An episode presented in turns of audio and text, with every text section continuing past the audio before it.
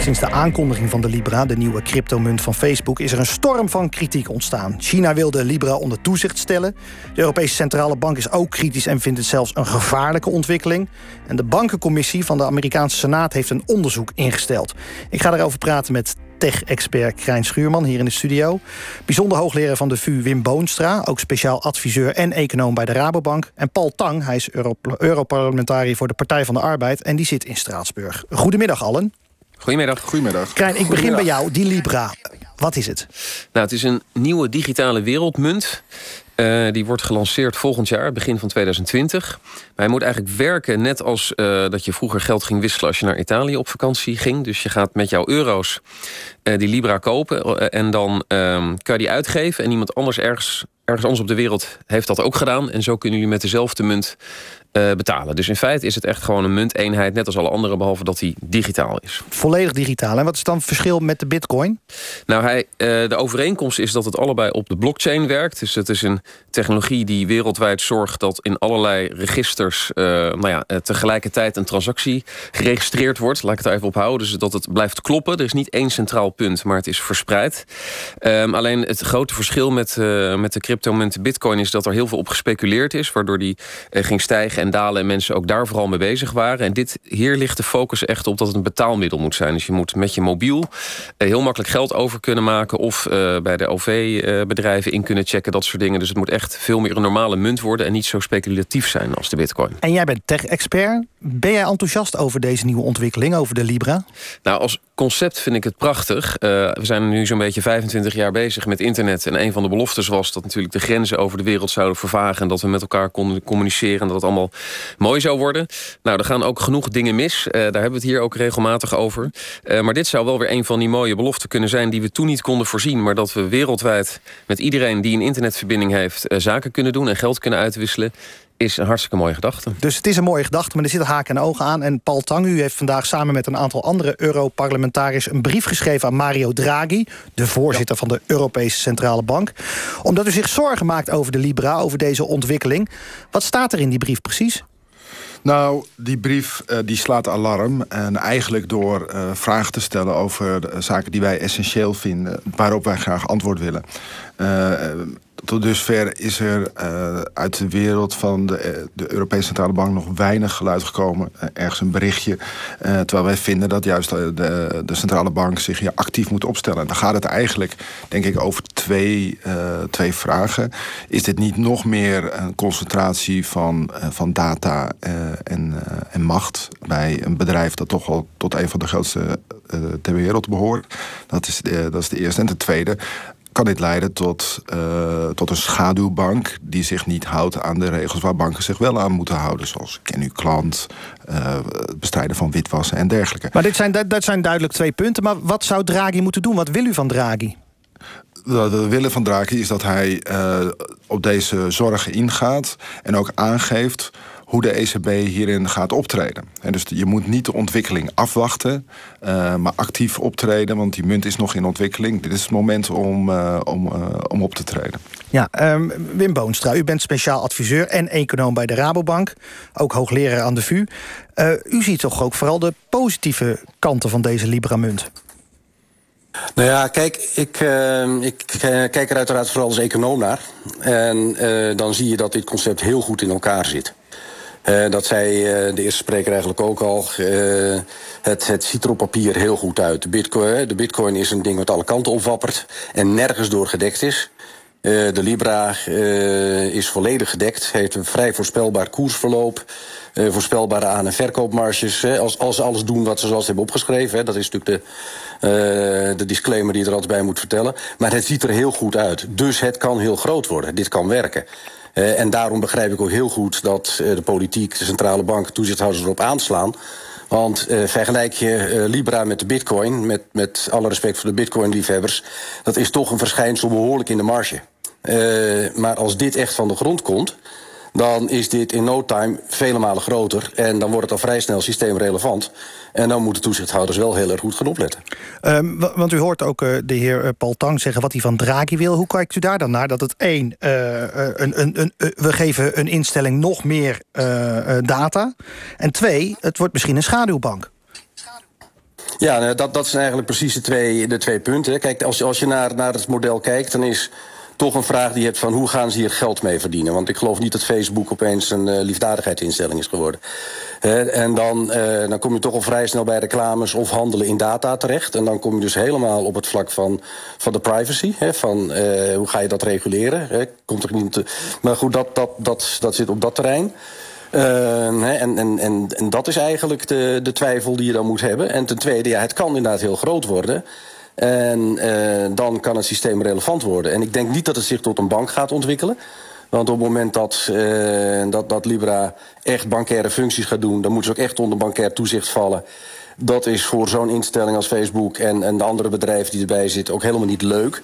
Want dat is, uh, dan, dan gaat je hele verdienmodel naar de knoppen voor zo'n instelling. Dus dan, dan, dan zijn ze hun voordeel kwijt. Maar dat ze op een gegeven moment, ook al zijn ze niet een bank... wel degelijk invloed kunnen hebben op financiële stabiliteit.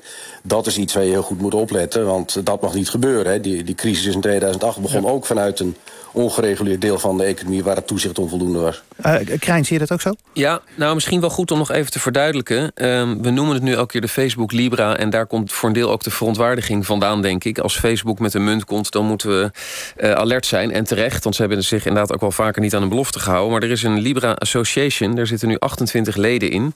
En dat zijn ook Visa, Mastercard, PayPal, Vodafone, een heleboel bedrijven. Dus je zou kunnen zeggen, Facebook is er maar eentje. Het moeten er 100 zijn oh. als ze straks live gaan.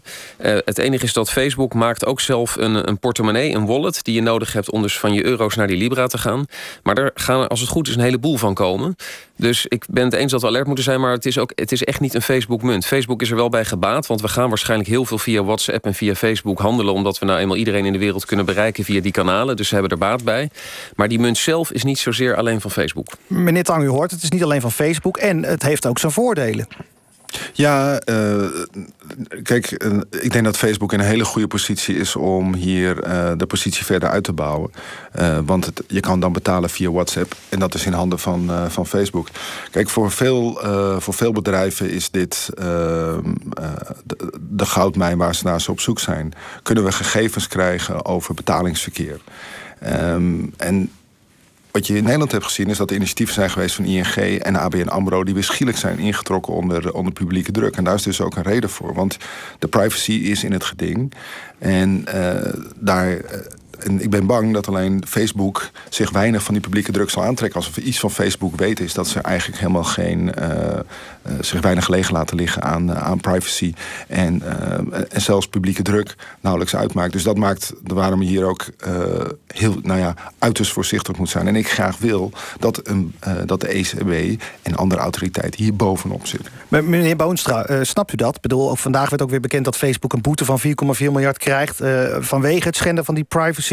Ziet u geen risico's dat, uh, dat Facebook echt te veel uh, risico's gaat nemen met onze privacy?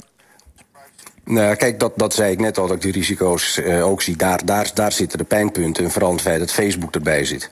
Uh, maar wat uh, de heer Schuurman net ook al zei, van dit is een consortium... en er zitten ook hele grote andere bedrijven bij. Hè. Je hebt het over Mastercard, of nou, ik ga geen reclame maken... maar allemaal hele grote, grote partijen die heel veel kennis meebrengen uh, over dit terrein. Er zit een telefoonmaatschappij bij die in Afrika al een compleet alternatief betaalsysteem heeft uitgerold, die daar heel veel ervaring in heeft. Dus dat M-Pesa, dus ik, kom wel eens dus, in Afrika dus dat, en dan, dan, zie ik ook dat iedereen met dat M-Pesa betaalt via telefoons. Dat werkt als een trein. Dus eigenlijk zouden we het veel meer daarnaar moeten kijken. Dit gaat nog beter werken. Dit gaat nog beter werken. En dat is ook een eerste doelgroep. Hè. Er zijn een miljard mensen op de wereld die geen bankrekening, maar wel een mobiele telefoon hebben die gaan ze als eerste doen. En daar zal het als een wervelwind overheen kunnen gaan.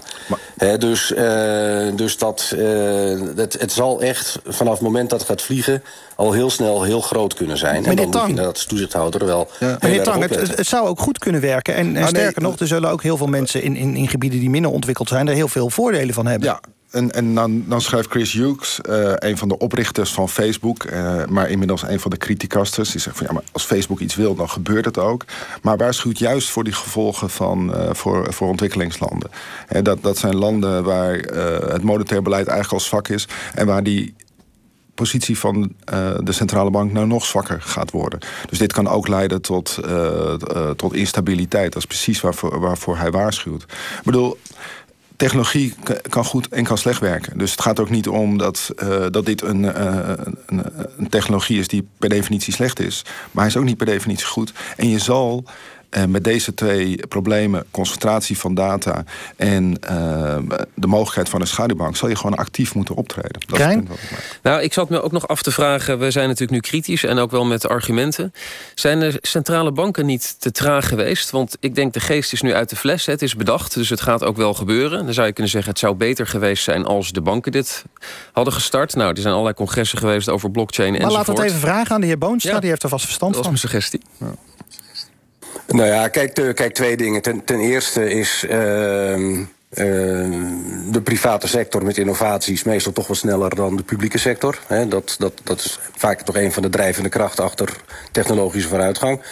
Uh, ten tweede uh, hadden de banken dit niet moeten doen. Kijk, als je de Nederlandse situatie bekijkt... we hebben hier in Nederland een perfect betalingsverkeer. Daar kan Libra echt voorlopig nog niet aan tippen. Dus in heel veel landen hebben banken gewoon systemen. In bepaalde terreinen moet het, kan het nog beter. Dus, dus banken zijn ook echt wel bezig met blockchain... om bijvoorbeeld internationale betalingen beter te laten lopen. Maar dat is niet de primaire plek waar, waar Libra naartoe gaat. En er is één wezenlijk verschil tussen, tussen de meeste commerciële banken en Facebook. Facebook heeft vanaf dag één een mondiaal bereik. En dat geldt eigenlijk ook voor een paar van die andere partijen die erbij zitten. Maar dat maakt dat, meneer Boonstra, maar ik, ik, ik hoorde natuurlijk tijdens de crisis ook heel de tijd het verhaal van ja, sommige banken zijn too big to fail. Als dit doorgaat in dit consortium en met deze ja, een bereik van 3 miljard mensen of meer, is dit dan niet helemaal too big to fail en daardoor ook gevaarlijk? Dit wordt geen bank. Nee, maar dit wordt geen bank. dit wordt uiteindelijk uh, wordt het, uh, als, als ik even heel grofweg zeg, wordt het een combinatie van een valutamand. Hè, want die, dat ding wordt helemaal gedekt door uh, fatsoenlijke financiële titels, hè, zoals Nederlandse staatsobligaties en zo. het, is een, het is een betaaldienst. En hij wordt qua omvang wordt hij beheerd als een currency board. Dus wat, wat, wat technisch. Maar het komt erop neer dat de hoeveelheid Libra nooit los kan gaan van de onderliggende dekking. Dat maar mocht het niet gaan, dan dus zijn er miljarden mensen gedupeerd precies. Nou ja, dan heb je dus een betaalsysteem wat, uh, wat uh, plat gaat. Maar het is dus niet een systeem wat alle nationale systemen gaat vervangen. Tenminste, niet in ontwikkelde landen. In onderontwikkelde landen, en daar de Paul Tang het net terecht over... daar is vaak de situatie al zwak. Maar ja, uh, dan, uh, dan is de kwestie van wachten tot er een partij langskomt die het allemaal overneemt. Is in China ook gebeurd de afgelopen twintig jaar. Ja. Gewoon een betaaldienst die het betalingsverkeer van de bank heeft weggehaald. Maar de banken zijn er nog steeds, alleen doen geen betaaldiensten meer. Krijn, ja, 2020, volgend jaar, dan moet hij er zijn. Denk je dat de kans echt groot is dat hij er komt?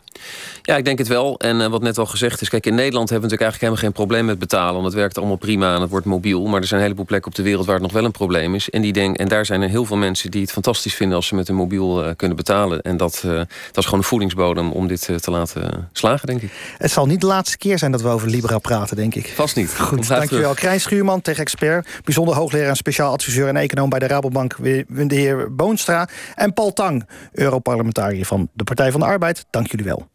Meer van de Nieuws PV? Volg ons op Instagram.